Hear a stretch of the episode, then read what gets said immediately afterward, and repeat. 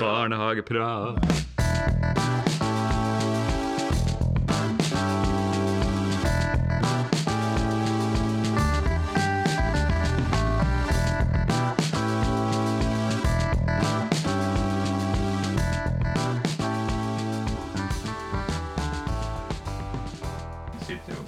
Ja. Hei, og velkommen tilbake til Barnehageprat. Um, sånn som eh, Sist nå så sitter vi jo på loftstudio. For vi har på en måte måttet flytte oss litt. Uh, Dette er jo et hobbyprosjekt, og uh, vi har vært litt nomadisk. Og akkurat nå så prøver vi å sitte på loftstua hjemme hos meg. Og jeg heter Erlend Nilsen. Jeg sitter her i lag med Med Øystein Jønnes. og, Kristin Magnussen. og så har vi med oss noen som har bubb i nesen, og det er jo Lisbeth Aasgaard. Og Lisbeth hun sitter digitalt, så hvis det er litt sånn snodig lyd på Lisbeth, så er det det digitale sin feil. Hvis det er snodig lyd eh, på oss andre, så er det min feil. Er ikke det? Det er ganske greit. det. Det er jo sånn det er. Um, vi har med oss eh, gjest i dag, og det er deg, Kristin. Ja. Mm. Og så vet jeg at du er litt sånn stressa, for du er ikke helt sikker på hva du skal snakke om. Nei. Liker å være forberedt. Ja, jeg vet. Nei, det går bra. Ja, jeg vet. Jeg regner med det òg. Um, kan ikke du si litt om hvem du er, og hva, hvor lenge du har jobba i barnehagesektoren, og på hvilken måte du har tilknytning til den her eh, merkelige greia som vi driver på med? Ja. Eh, akkurat nå så jobber jeg som barnehagefaglig rådgiver på barnehage- og skolekontoret. Ja. Eh, men jeg starta å, å jobbe i barnehage da jeg var 15 år. Da begynte jeg å vaske. Ja. Eh, og vaska i to år. Og så eh, starta jeg på utdanninga i 98 og var ferdig utdannet førskolelærer i 2001. Og i den tida så jobba jeg som assistentvikar i barnehage. Mm. Og så tok jeg to år med videreutdanning. Med, tok PAPS 1 og 2, for jeg skulle inn i skole og jobbe der. Ja, PAPS. Det er sikkert noen eh, Ja. nykomlinger som ikke vet hva PAPS er. Kan ikke du fortelle hva det er? Pedagogisk arbeid på småskoletrinnet. Ja, ikke sant? Ja. Så da var jeg kvalifisert til å jobbe fra første til fjerde klasse. Mm. Og så tok jeg første avdeling med spesialpedagogikk. Og jobba fortsatt som vikar samtidig som jeg tok den videreutdanninga. Mm. Eh, Og når jeg var ferdig med det, så starta jeg å jobbe som pedagogisk leder. Det var i 2003. Ja. Og så har jeg ikke vært innom skolen i det hele tatt. Den eh, lysten gikk over etter hvert jeg tok eh, videreutdanninga. Ja. Så jobba jeg som pedagogisk leder til i 2000, ut 2010. ja. Og så starta jeg i ei pedagogisk konsulentstilling. Eh, og der var jeg i et halvt år, og så ble jeg styrer. Mm. Så jobba jeg som styrer i fem år, og så starta jeg på barnehagekontoret som rådgiver. Mm. Og i den perioden jeg har vært der, fra 2016, så har jeg i kortere og lengre perioder vært konstituert barnehagesjef. Mm. Men nå er jeg tilbake i rådgiverstillinga mi. Ja, ikke sant. Det er ganske interessant, for det at bortsett fra det som var før var eh, praktikant, så har du egentlig sett barnehagen fra ja, alle mulige vinkler. da. Ja. Hvordan tenker du at synet ditt på barnehagen og barnehagen vår eh, virksomhet har endra seg på den årene? Og, ja. Eh, altså det er jo, for meg så var den største overgangen å bli styrer.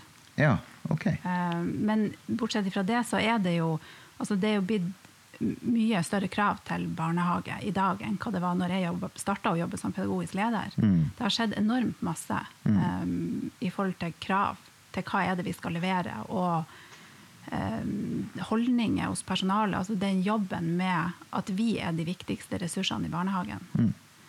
Eh, og utviklinga der. Mm. Eh, Det er ikke lenger eh, barnepass, og det var det ikke når jeg starta å jobbe i 2003 heller. Men eh, det var mye mer privat praksis da enn hva det er nå. Mm. Ja, det er jeg enig med deg i. Og jeg tenker at jeg jobba jo Jeg begynte jo i 1995. Jeg var ferdig utdanna barnehagelærer. Da heter det jo førskolelærer også. Da vi navn. Og eh, når du kom ut, da, så var det veldig mange igjen av de her eh, damene som var ute i barnehagen for å gjøre barnehagen til et hjem borte fra hjemmet. Og, og det mener jeg, i hvert fall det lille jeg kjenner til barnehagen da, Nå kjenner jeg ganske godt til vår, den kommunen der jeg bor, men jeg har jo òg jobba eh, litt på barnehagekontoret og hatt kontakt med, med kommuner i, ellers i landet, og jeg opplever jo at den eh, ja, den holdninga er borte fra barnehagene. Det kan jo være enkeltpersoner som sitter igjen ennå, selvfølgelig, men de går jo av med pensjon unna for unna. Så det der er blitt borte, altså. Så at barnehagene har blitt en pedagogisk institusjon, det, det er jeg enig i. Så det, det, er sånn det, har, det er sånn det er nå, tenker jeg. Ja. Mm. Det er mye mer profesjonelt det som skjer i barnehagene nå, og det er mye større fokus på barnehagene og kvalitet ute i samfunnet. Mm.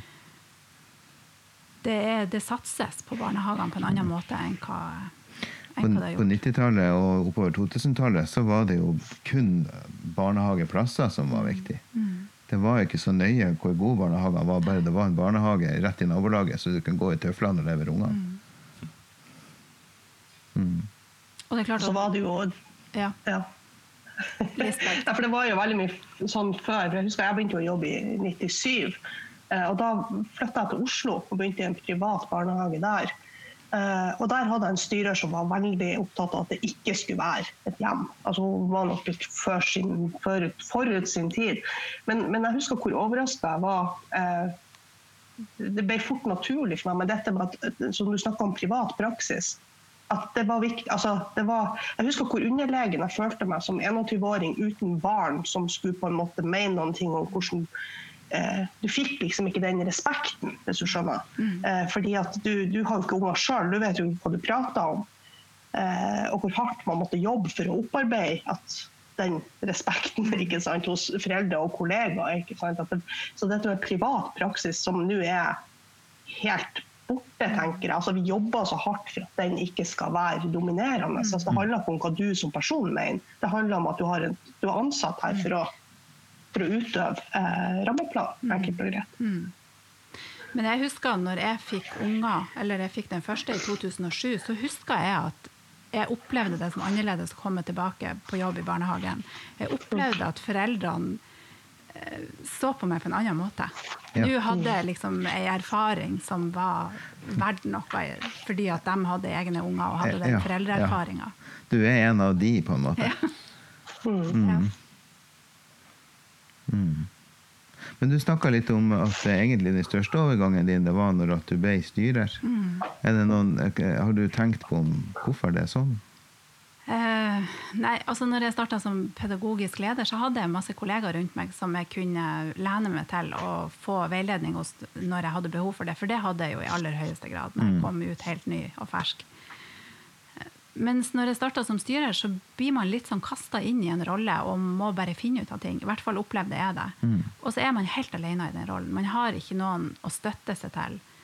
Uh, og de tingene som jeg syns at jeg var veldig god på som pedagog, bl.a. det å lede et personal og det å være klar og tydelig og, og se helheter, Mm. ble på et helt annet nivå når jeg ble styrer. Og det var et stort sjokk for meg. Og jeg har møtt meg sjøl i døra mange ganger i forhold til hva jeg forventa av min styrer når jeg var pedagogisk leder.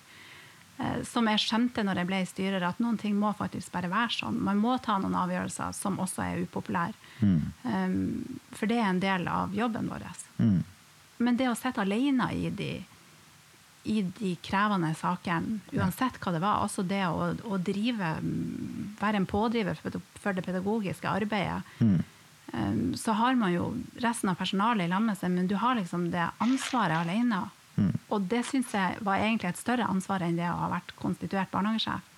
For da har jeg hatt en, eh, folk rundt meg som jeg kunne ha søkt råd hos. Ja. jeg har liksom, vi har vært et team som har jobba i lag, selv, om, selv om jeg var konstituert. Ja.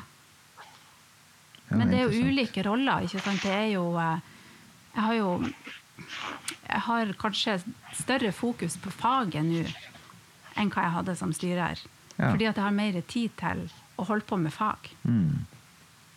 Og det skulle jeg jo ønske at jeg hadde mer tid til når jeg jobba som styrer. Mm. Mens det er mye andre oppgaver, mye administrativt, som må gjøres, og syke personal som du må ha på plass folk for, og det er mye sånn andre ting som tar tid bort ifra det pedagogiske. Ja. Øystein, kan du kjenne deg igjen i det?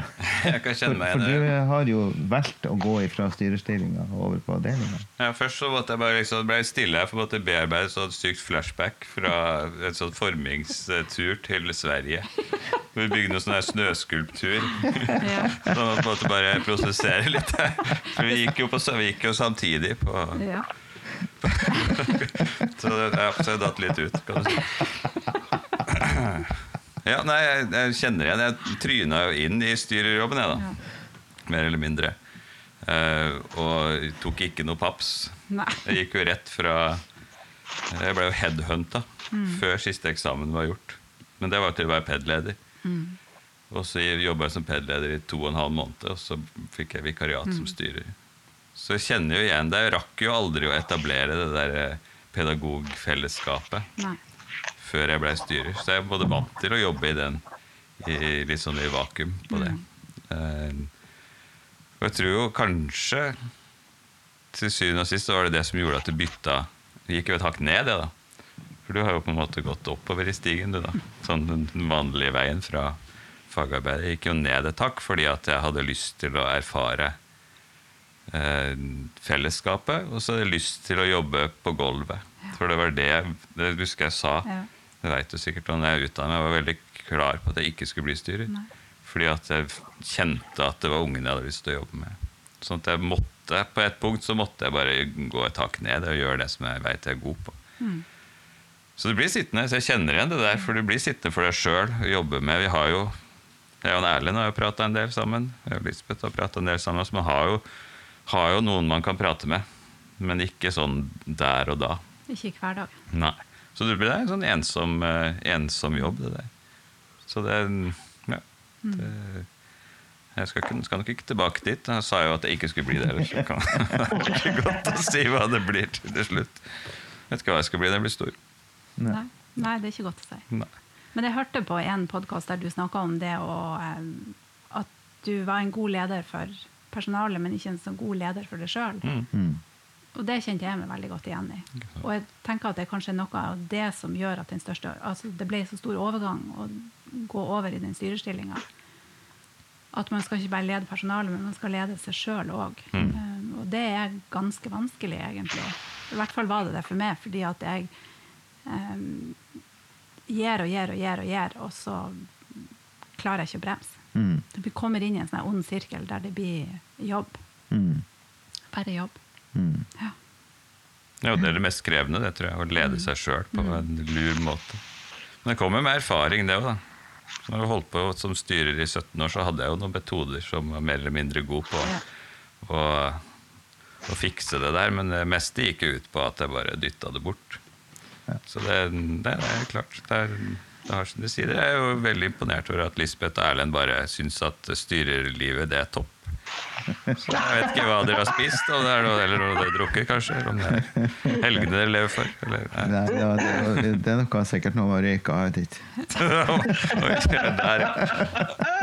Ok. Nei, Nei, jeg altså kjenner, jeg kjenner meg veldig igjen i det dere snakker om, dette med den, at det er ensomt, og at det er eh, Jeg, jeg syns kanskje faktisk at det er mindre avstand mellom styrer og PED-leder i dag enn det var når jeg sjøl var PED-leder. Fordi da var det ikke eh, altså da, da opplevde jeg mer den her at styreren var liksom noe som som vi hadde lite med å gjøre. Det kan hende at det var mine styrere som på en måte var sånn, men mens nå har man på en måte jobba veldig mye med eh, profesjonen til PED-ledere. At, at det er faktisk en lederstilling, de er en del av et lederteam. Ja. Ikke sant? Sånn at du på en måte eh, Hvis man klarer å som styrer å delegere og, og bruke lederteamet for det det er verdt, altså rett og slett gi de den den anerkjennelsen at det er en lederstilling de har, så tenker jeg at det, det blir ikke fullt så ensomt som det kunne ha vært, for å si det sånn. Men, men det Eh, er handler jo om lederstil, ikke sant? Og hvordan Ja, og det er jo fokus lang du vei har som dit å gå leder. òg. Ja. Og så er det sånn at eh, vi må huske også at den eh, sektoren som vi eh, er en del av, har jo en, en stygg historie fra 70- og 80-tallet, hvor at alle beslutninger skulle tas i allmøte. Det var jo mer som en sånn her allmannamøteopplegg. Sveits. Ja, og så var det en periode Ja, nesten. Men så var det òg Eller alpingr. Mhm. Men eh, så var det en periode hvor man skulle veie opp for det der igjen. da, Hvor styrerne nesten ble sånn her eh, Tsjautsjenko eh, eh, og Hviterussland-styrere. nesten Sånn at eh, i stedet for at alt var på allmøte, så satt styreren på kontoret og fant på ting. Men eh, det tror jeg òg er relativt usunt, da. Um, mens at det som er bra nå, er at eh, de her styrerutdanninga og, eh, og uh, utdanninga og led, og kanskje også eh, det her LSU, eller hva det heter for noe på barnehagelærerutdanninga, tar tak i det her med leder eh, hva er lederne er for noen ting, og viser fram det her fordelene med verdibasert ledelse og eh, management by walking around, og det her med å være en del av et fellesskap samtidig som du er med og viser vei. Da. Og da blir um, forventningene til deg som leder annerledes. Du, du blir en leder og ikke en sjef. da. Og så når du sier det du sier, så tenker jeg at du egentlig um, opplevde enten forventninger enten fra rundt deg eller fra deg sjøl om at du skulle ta beslutningene. Men så at uh, um, du kan ikke sitte alene med beslutningene hvis at du ikke har med deg lederteamet ditt, da, og at, du, at det, beslutningene tas uten at man ja, har fundert dem i noe verdi, i et verdisyn. Uh, og det er en utfordring. og du litt, Jeg er litt enig i det Lisbeth sier, at um, det å være leder i en organisasjon hvor at du får til å være en del av organisasjonen, snarere enn at du må være den som oppdrar organisasjonen. Du er med og går turen i lag med dem. Det er to, to forskjellige måter å være leder på. Og eh, den andre måten er litt mindre belastende, men ansvaret altså du, Man føler kanskje enda mer på ansvaret, for det at mye av beslutningene må da tas ute i organisasjonen din. ikke sant? Og Det er samme som å være Det er sammenlignbart med å være barnehagesjef, tenker jeg. Fordi at det sitter um, 25-30-40 stykker rundt omkring og foretar beslutninger hver eneste dag på vegne av en sektor som barnehagesjefen er ansvarlig for. Eh, og det nytter jo ikke å vite hva de her raringene du har i lag med finner på for noe for hver gang. Og det er et sånn tillitsbasert greie. da. Og da må man være enig om at man har disse verdiene, og dette er premissene, og dette er årsaken til at vi gjør det her sammen. Og hvorfor skal vi være her? Jo, det er jo tross alt fordi at han Ole skal vokse opp til å bli et gangs menneske. Nå brukte jeg Ole som navn. Det er mulig fordi vi har Ja. ja. snakka med Ole Morten Moritzen i en tidligere podkast. Men det handler litt om det, da. Men du snakka om, om det at du, du eh, møtte deg sjøl i døra som, som, altså, i forhold til hva du hadde forventa av din Da, egen da tenker jeg at det er viktig å være høflig. Ja, ja. Så høflig og Men så lurt å gå ganske fort, for ellers skal du få døra rett i ryggen. Ja, ikke minst. Ja. Nei, for jeg tenker, Vi har jo hatt en diskusjon litt internt hos oss, eh, der jeg på en måte har, eh, har hatt pedagoger hos meg som har vært vikar for meg eh, når jeg har vært syk. Eh, som kommer etterpå og sier at gud bedre, alle burde ha hatt ei uke på kontoret. Ja. Eh, fordi at da skjønner man kanskje eh, F.eks. hvor ofte man blir avbrutt i løpet av en dag. Eh, og det er jo ikke en negativ avbryting. Det er jo, altså, folk Nei. vil jo gjerne bare slå en prat eller spørre om noe eller søke veiledning eller si hei. eller ikke sant? Disse tingene her som er veldig gjenkjennelige. Men man ser ikke at man er i lang rekke av 20 stykker som går forbi. Men hva tenker du om, om, om akkurat den biten der? Altså, kan du utdype mer? Hva, hva tenker du i forhold til det å møte seg sjøl i døra? Hva, Nei, det gikk kanskje mye på de forventningene som jeg hadde til min leder. Mm. Og når jeg ble leder sjøl, så så jeg kanskje at noen av de forventningene var eh, ikke mulig å innfri. For det er faktisk et menneske i den lederrollen òg. Og, så det- og jeg har snakka mye med henne om det. Eh, Fordi at jeg var som pedagog så var jeg jo en person som tok opp ting når jeg var uenig, eller sa ifra hvis det var noe. Og, og det tenker jeg er bra. Altså, det er bra med pedagoger som gjør det. Jeg hadde også pedagoger som gjorde det, og det syns jeg er bra at de gjør. Men det er kanskje, kanskje den følelsen av å ikke klare å leve opp til de forventningene som jeg sjøl hadde når jeg var pedagog. Det var kanskje det som var vanskeligst. Og jeg har jo kjent på noe av det samme i barnehagesjefrollen òg. Fordi at jeg vet hva mange styrere rundt omkring meg forventer av en barnehagesjef. Og det å, å, å altså Jeg måtte på en måte tenke at jeg klarer ikke å leve opp til alle de forventningene på seks måneder. Det går ikke. Selv om jeg har prøvd i noen av de periodene, så har jeg virkelig prøvd. Eh, Men skjønner at det går ikke an. Så det å kanskje huske på at, eh, at man er et menneske. Jeg har en, eh, en klok leder nå som sier at det er 24 timer i døgnet. 8 timer jobb, 8 timer fritid og 8 timer søvn. Det må du ikke glemme. Jeg tenker at Det bør vi kanskje ha med oss, eh, alle sammen. Men så det som du sa i stad, Lisbeth, med å bygge opp ei pedagoggruppe eh, og få de til å ta lederansvar, det tror jeg er kjempeviktig. Og det tror jeg er spesielt viktig for å utvikle kvaliteten i barnehagen. Ja. For det er de som må lede ut på avdelingene sine. Ja. Styrer kan ikke gå rundt på alle avdelingene. Jeg, når jeg starta som styrer, så hadde jeg ni avdelinger. Det er, kanskje, det er kanskje en sammenheng med at jeg syns det var litt heftig å bli styrer. Ja. Men samtidig så har det jo gått en ganske sånn lur vei, da, tenker jeg. Det er jo en, det er jo en grunn til at folk liksom trapper oppover i stillinger, til motsetning fra meg som går et hakk ned. Men, men at man har begynt et sted, og så er du der du er nå. Så har du jo tatt med deg en haug med erfaringer fra ulike typer stillinger. Og det er jo kjempeerfaring inn i barnehagekontoret, eller hva det heter nå. Ja. Eh, også for da veit du jo litt om du vet jo litt om hvordan det var å vaske i barnehage. Ikke sant? Og du vet jo litt om hvordan det var å være assistent, hvordan det var å være PED-leder, hvordan det var å være styrer, og så opp til der du er nå. Jeg tror det er en genial vei å gå, for da har du med deg det hele tida. Og da kan du på en måte sette deg inn i, inn i hvordan det er.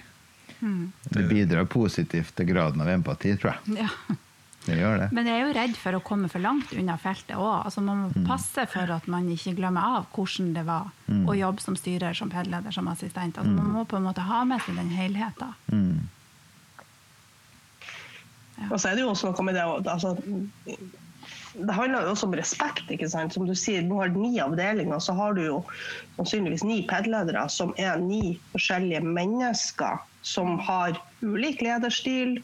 ikke sant? Eh, ulik altså bakgrunn. Og selv om man ikke driver med privat praksis, så, så er det jo noe med at vi på en måte, de leder jo sine ansatte igjen. ikke sant? Eh, og, og viktigheten av å anerkjenne eh, og ha en, en, en trygghet, som vi snakka om i sted, en trygghet i at folk gjør faktisk jobben sin. Man vil på en måte at dette skal bli bra til syvende og sist. ikke sant? Og, og tørre å slappe litt av og si at OK, dette kommer til å gå helt fint. Jeg har tillit til at du gjør ditt beste. Så må jo folk selvfølgelig bevise at de gjør sitt beste, da, men det, det, det gjør jo folk flest. Altså, de vil jo gjerne at dette skal bli bra. Man har jo en yrkesstolthet og en, en ja. Men man gjør det kanskje ikke helt på samme måte, selv om grunnlaget er likt.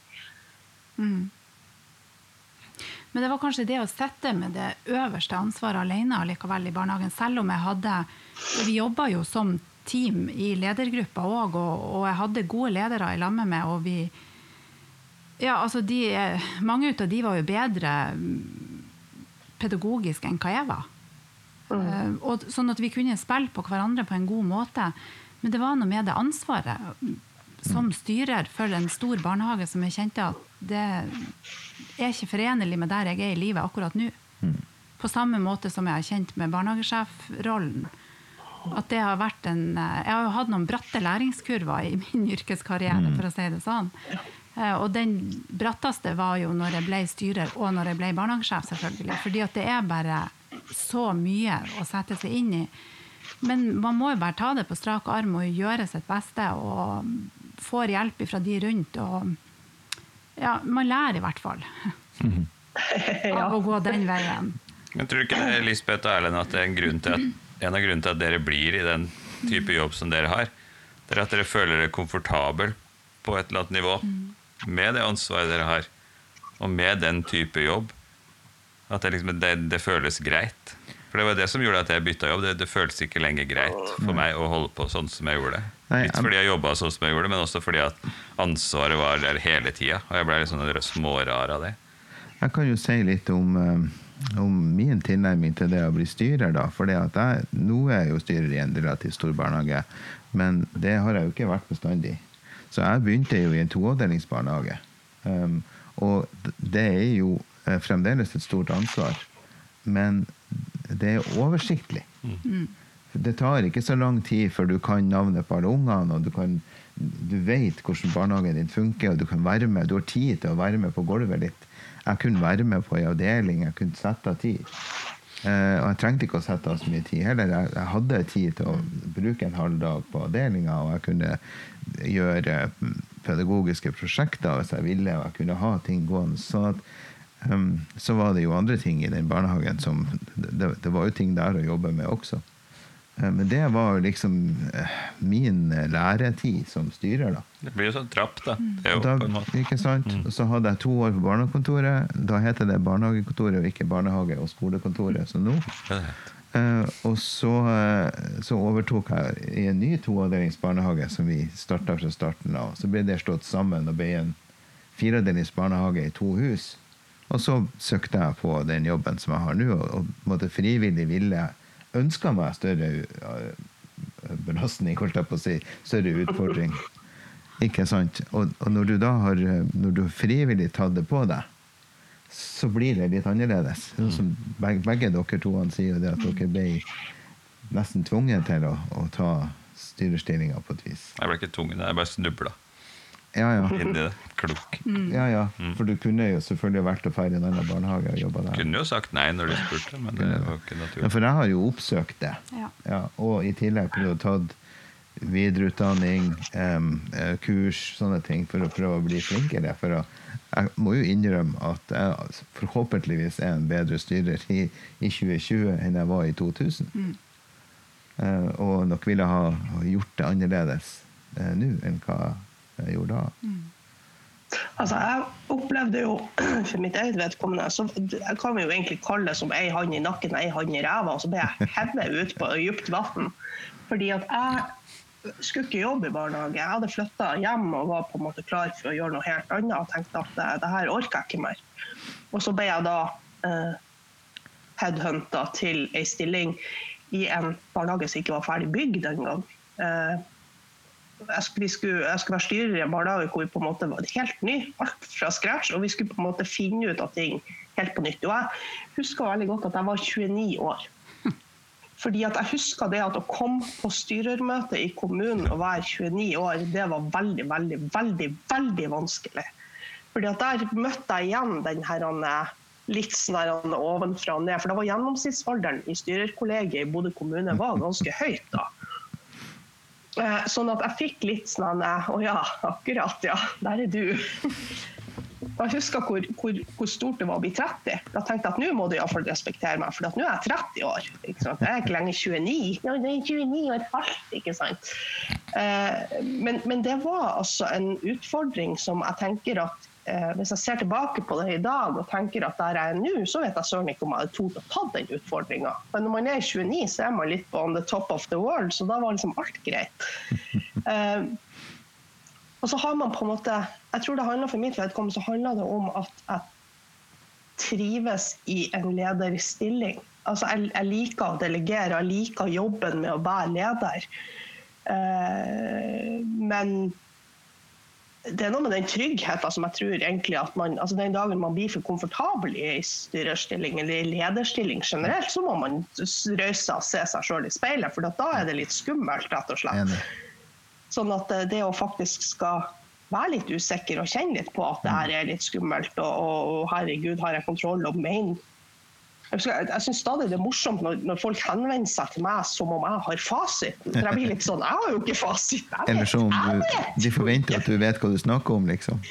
Ja, ikke sant? Blir sånn. Mm, ja. Det er noe med fake Men, eh, it till you make it. Ja. Det, det er noe der. Nei da, man, man har jo trygghet, og man, har jo, man lærer jo underveis. Og jeg, jeg får jo stadig sånn at jeg kan se meg tilbake og tenke at herregud, når jeg begynte å jobbe i barnehage, så var ikke du født engang. Man, man har litt sånn eh, folk som søker jobb hos meg nå, som, som jeg blir sånn Oi, der var du, ja. Når jeg var, jeg var utdanna før du ble født. Eh, litt den følelsen der. Og da tenker jeg ofte at det kommer jo noe kompetanse med disse årene. Man har jo på en måte lært, og det er jo som vi sier, sektoren har jo tatt kvantesprang fremover i forhold til Og så har man sittet der og holdt seg fast og tenkt at OK, jeg må bare holde ut på et eller annet vis. Eh, ja. Men ledelse er jo òg et eh, håndverk, tenker jeg. For, for det å være Ja. leder er jo ikke Ja. Det, det, et- det er et håndverk. Det er noe med at du må gjøre konsistent arbeid over tid. Og det er ikke, det er ikke rakettforskning, noe av det. Det handler om å være til stede for andre mennesker på en måte som gjør at de har tillit til at når du ikke vet hva du snakker om, så kommer du til å innrømme det. Men du kommer til å innrømme det på en sånn måte at de skjønner at det her skal vi finne ut av i lag. Mm. Og så er det enkelte det er noe med som, som snakker om ledelse på den måten at ledelse det er å be folk om å dra til helvete på en sånn måte at de gleder seg til turen. Ja. Men det syns jeg er en kjempedårlig definisjon. Fordi at da, da mener jeg at du er ikke leder, du er sjef. Du er ikke Ja. ja. Men jeg tenker at det er Og mye så tenker jeg smart at du, eh, du er ikke ærlig, tenker er jeg når jeg leste den setninga der. For jeg tenker at hvis du skal til helvete, så er det ingen som gleder seg til den turen. Hvis Nei. du klarte å pakke det inn på en sånn måte at folk gleder seg, så Da har du manipulert noen til å gjøre det, sant? Ja. Mm. Da er du ikke leder, da er du selger, da. ja. ja. Nei, det er viktig. there's anything wrong with that. Nei, nei, nei. Nei, jeg kommer fra en lang rekke av selgere. Ja, beklager. Jeg tråkka på tærne.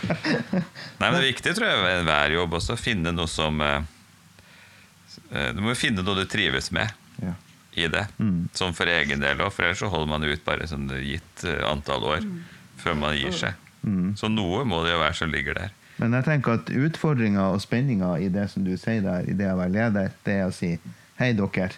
Jeg beklager, vi er nødt til å ta en tur til helvete. Vi skal prøve å komme oss helskinna hjem igjen. Men jeg skal være med hele veien. ja. Hvis du har det budskapet til folket ditt, eh, så oppnår du en annen type respekt. Og det er en mye artigere jobb å gjøre. Fordi at du gjør den sammen med noen. Selv om du tar ansvaret. Mm. Det definerer ikke det som banning. Du skulle jo ikke banne i denne podkasten. Nei. Nei, det er ikke banning. Men jeg sa, ikke sted. for, jeg sånn sa helvete, men ikke for først. Ah, ja, sånn, ja, ok. Ja, jeg måtte bare sjekke ut. Om det var, om det var, ja, Nei, jeg har ikke tenkt meg dit, men det er jo greit.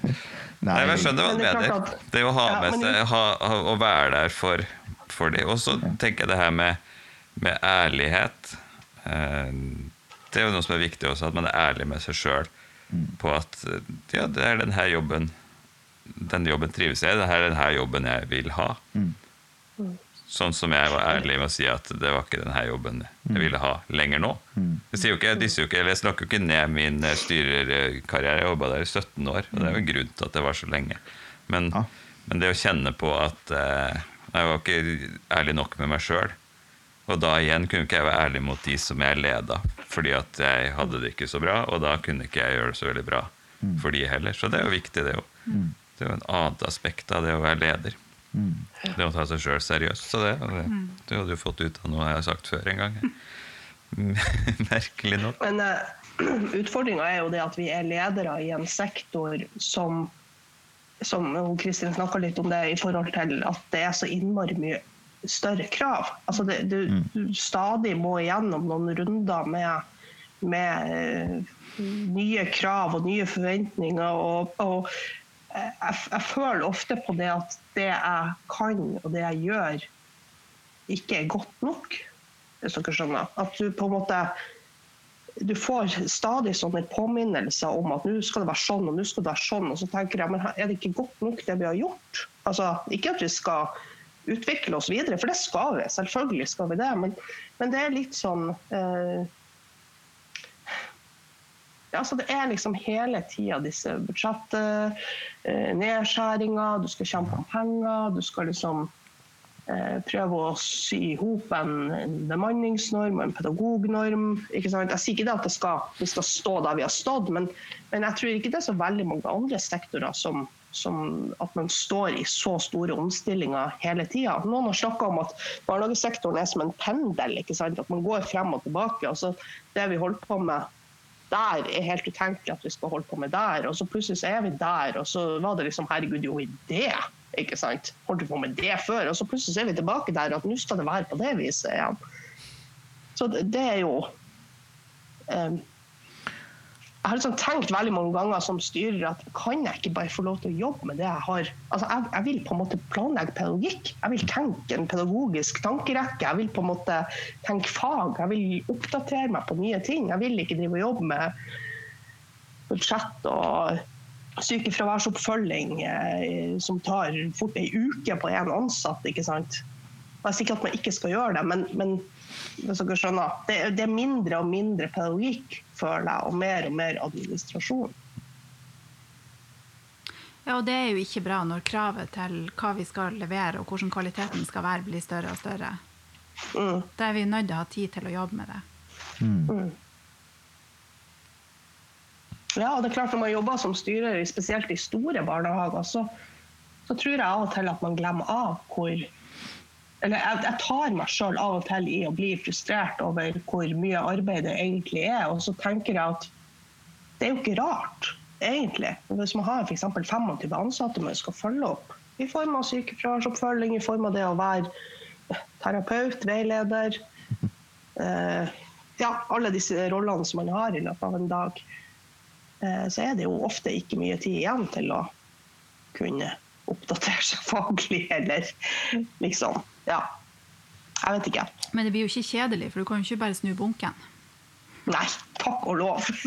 og det er vel kanskje derfor man er der man er. Fordi at eh, selv om vi spøker ofte med at man skulle ønske at altså Min drømmejobb er jo det å fylle hyllene på en matbutikk. Det hadde vært eh, passe perfekt for min Du hadde eh, holdt en hel fredag. ah, Det vet du. ja, ja. Jo. Men det er jo det ja, det er. det. Er ikke noe feil å jobbe i, i næringslivet, Nei, i den biten, nei, nei, en sånn bransje.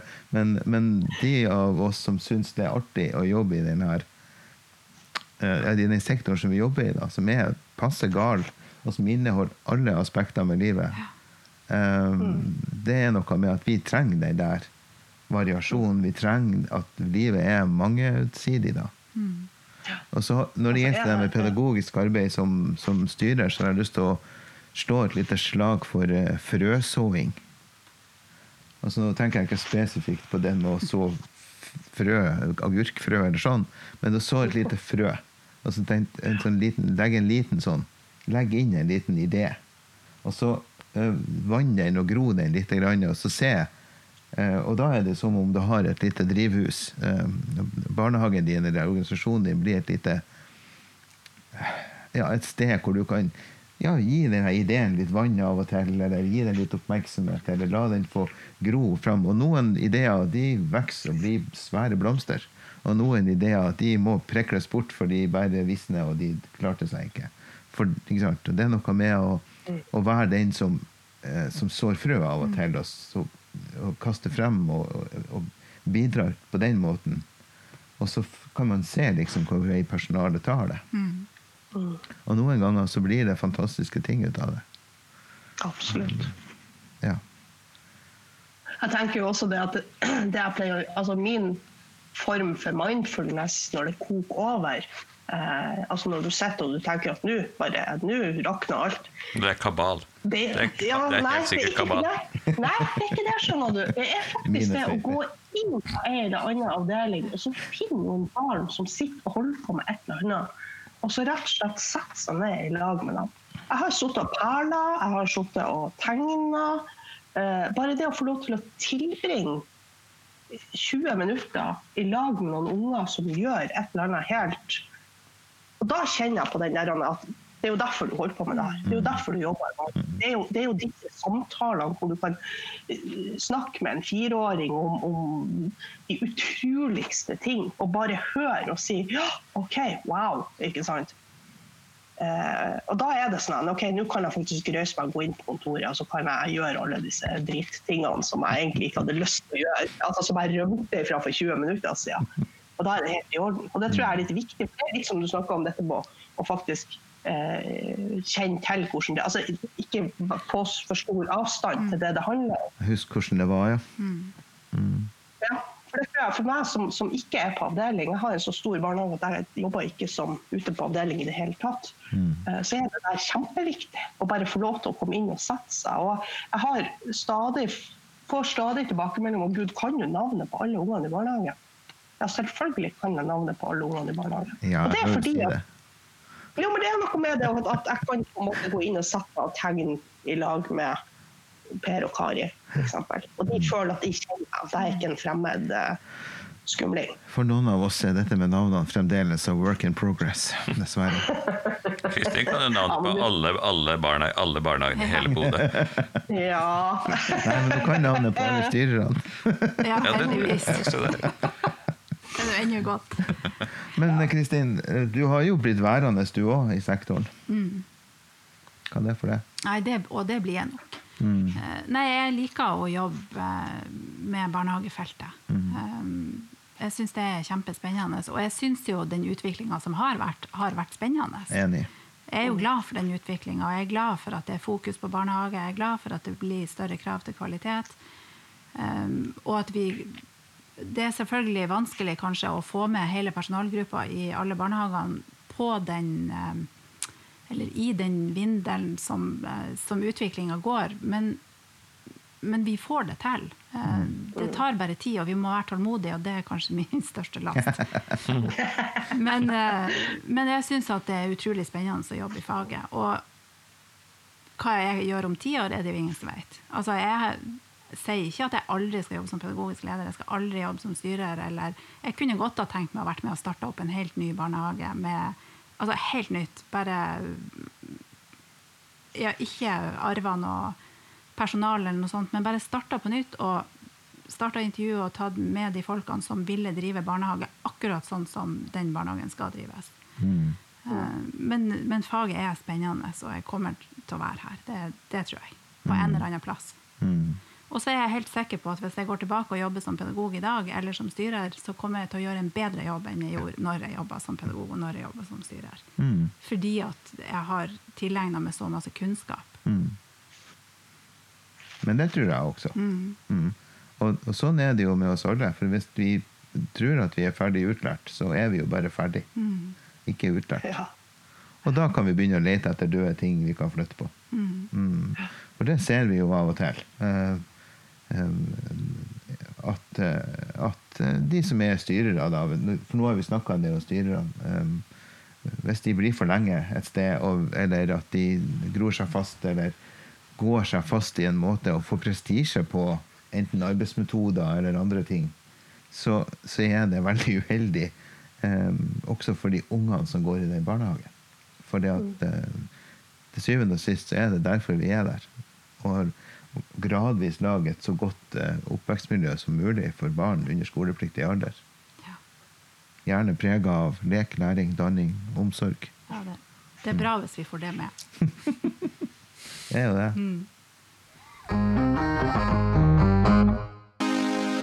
Men nå har vi jo snakka litt sånn eh, Ikke negativt om styrerollen, men litt sånn om den frustrasjonen man kan kjenne på i styrerollen. Men jeg tror at man kjenner på en del sånn frustrasjon i alle jobber man har. Ja. Og at det er ting jeg gjør i min jobb i dag som jeg ikke syns er like artig som andre ting jeg holder på med. Og sånn vil Ja. det alltid være. Det er klart. Sånn at det er jo, Når mesteparten av det vi gjør, er spennende og artig å holde på med, så er det greit. Da klarer man det som ikke er fullt så artig. Enig. Men når det tar over, så må man kanskje finne noe annet å gjøre. det der er jo et superpoeng. da. Absolutt. Faren min han, eh, han lever ikke lenger nå, men han snakka ganske mye med og var litt sånn frustrert på ting. Og da hvis det var jobbrelatert, så sa jeg ofte nei, jeg skulle gjerne ønske meg jeg hadde en annen jobb. Og så sa han alltid samme svar, sånn der eh, godmodig trønder. Sa han alltid, alltid samme svar. Ja, hvilken jobb er det du skal ha da? Nei, jeg vet ikke. så det ikke er noe trøbbel i, så det ikke er noe hardjobbing, så du ikke møter på noe som du ikke ville ha. Så han har jo selvfølgelig var så smart at han hadde et poeng. Ja. Ja. Og det har jo skjønt nå, Er at det, det finnes jo ikke en jobb som, eh, som dekker alle eventualiteter, og som på en måte alt er positivt, og alt er bare så lykkesky. Nei. Det må være blogger, det, kanskje. Rosa-blogger, kanskje. Vet ikke. Er, det, det nei, det er er- ikke bare sky, det, heller. det, er, det er mye, mye dritt der. Nei, er det er ikke det. Ja, det er ikke sånn. Det er så ikke, det, ikke engang det. Men, eh, Altså, jeg må jo finne på noe Ja. litt å skrive om hver dag og sånne her ting. Men det som er, det som er så fint med, med, med å jobbe eh, som styrer for å si på den måten, for å dra frem eh, de positive, det, er jo det at når det er Altså, jeg kan ikke forestille meg Jeg har hatt veldig mange jobber i mitt liv. Jeg har stort sett jobba med det meste, faktisk, innimellom. Eh, Til og med jobber i radio. få Ja, til og med jobba i radio.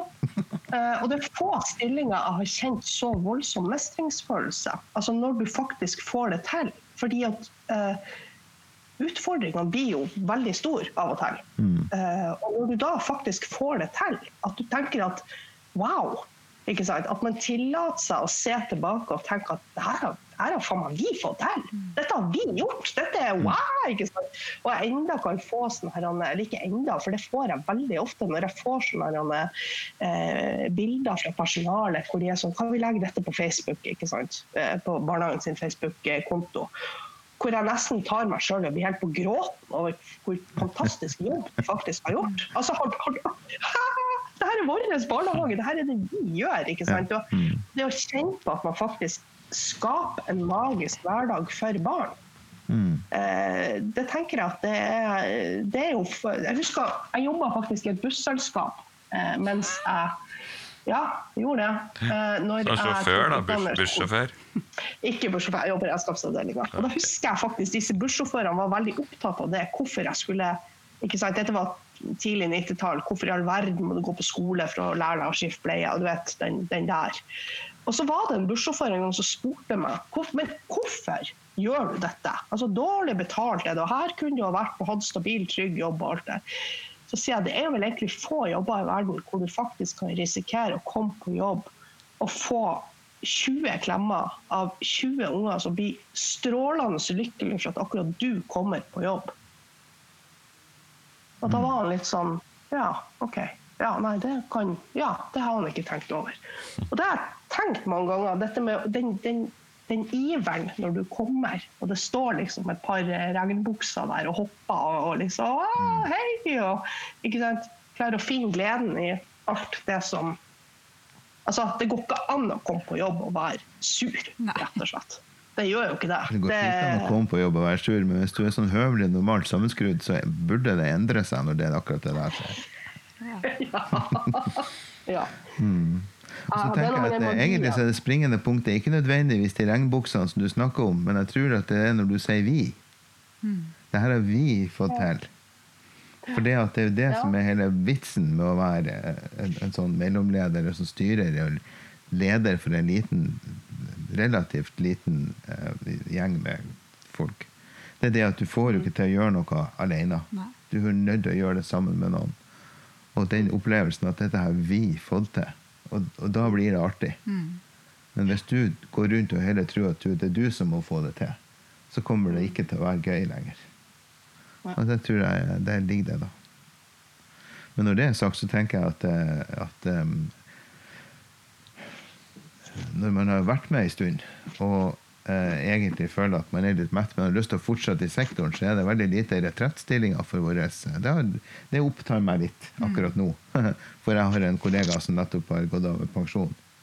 Um, og, og hun um, opplevde nok For hun var pedagogisk konsulent i min barnehage. da og hun opplevde nok det som en type retrettstilling. Altså det å kunne eh, være med og bidra og ha en eh, funksjon, men ikke sette med ansvaret eh, rundt sånn ja, på slutten av et arbeidsliv. Hun var med til hun var 67. Oi. Ja, og da, Wow. det, det, det er sterkt. Da du, da er du tøff, både fysisk og psykisk.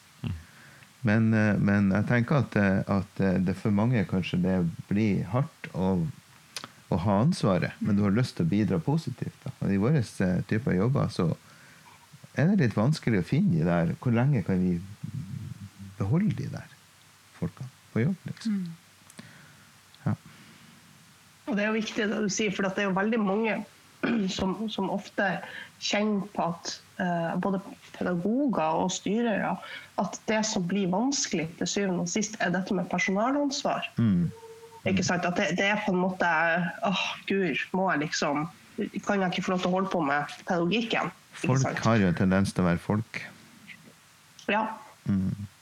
De har det, Sa altså. misantropen. Mm. Ja. ja. Men det er jo spennende å jobbe med personal òg. Ja, jeg syns det. Ja. Jeg syns det er eh, super, selv om det er Ja, ja. Nei, jeg, jeg, satt og, jeg satt og tenkte litt over hva, hva man egentlig har. Hva, men hva tenker Men, du eh, når du sier det, Kristin? Hva tenker du på?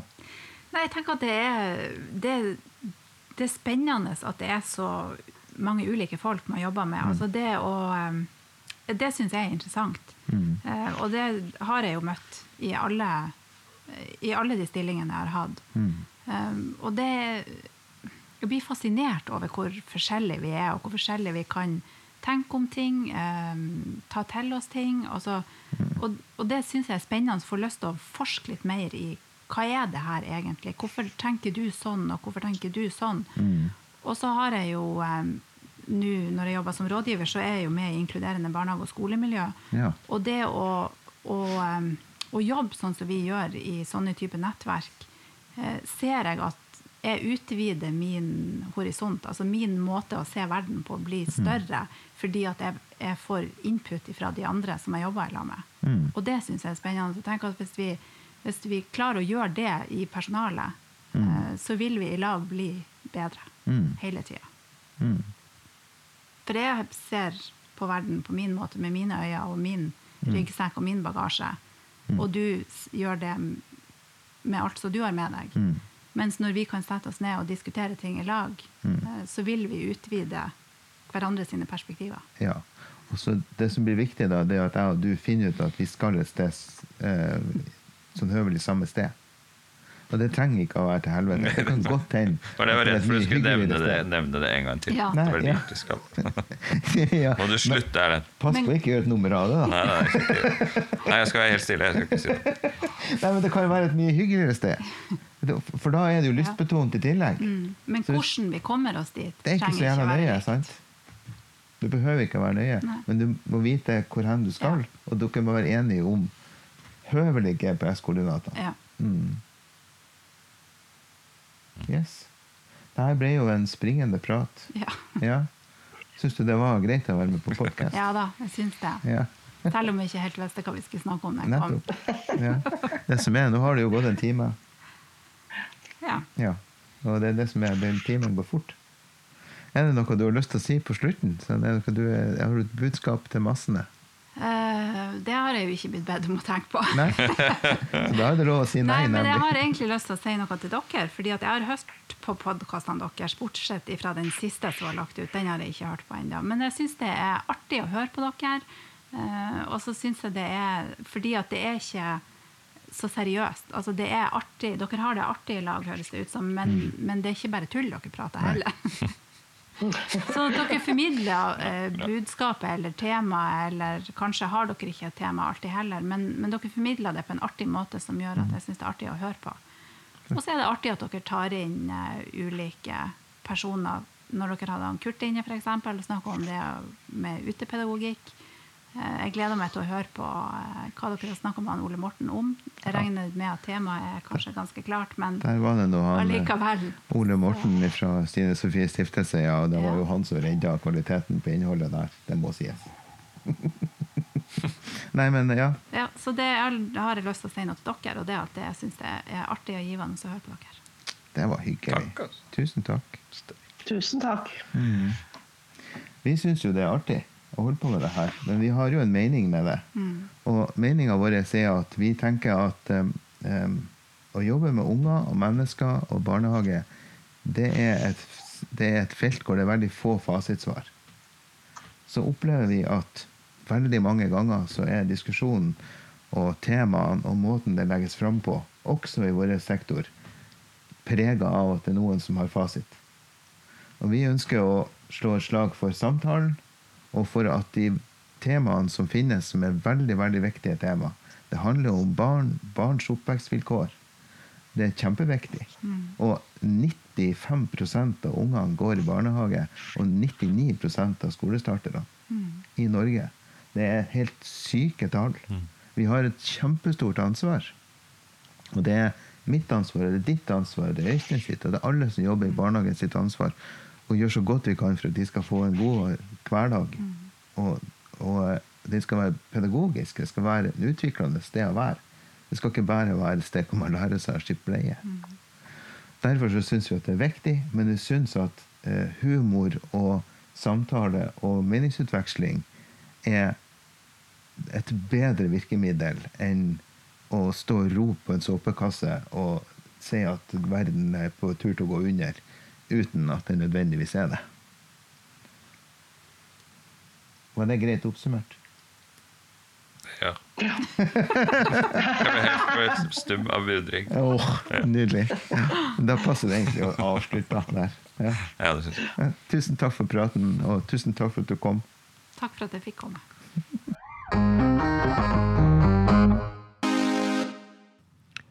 Barnehageprat finner du på Spotify. Vi er å få tak i på eh, Apple Podcasts og stort sett overalt ellers hvor du får tak i podcaster. Du kan også sende oss en e-post på barnehagepodcast at gmail.com. Vi har eh, sider på Facebook hvor vi er å få tak i, og vi er også å få tak i på Instagram fra og med nå. Vi lover at vi leser alt av henvendelser og tilbakemeldinger til oss, og at vi tar alt til oss og prøver å gjøre noe med det. Takk for praten.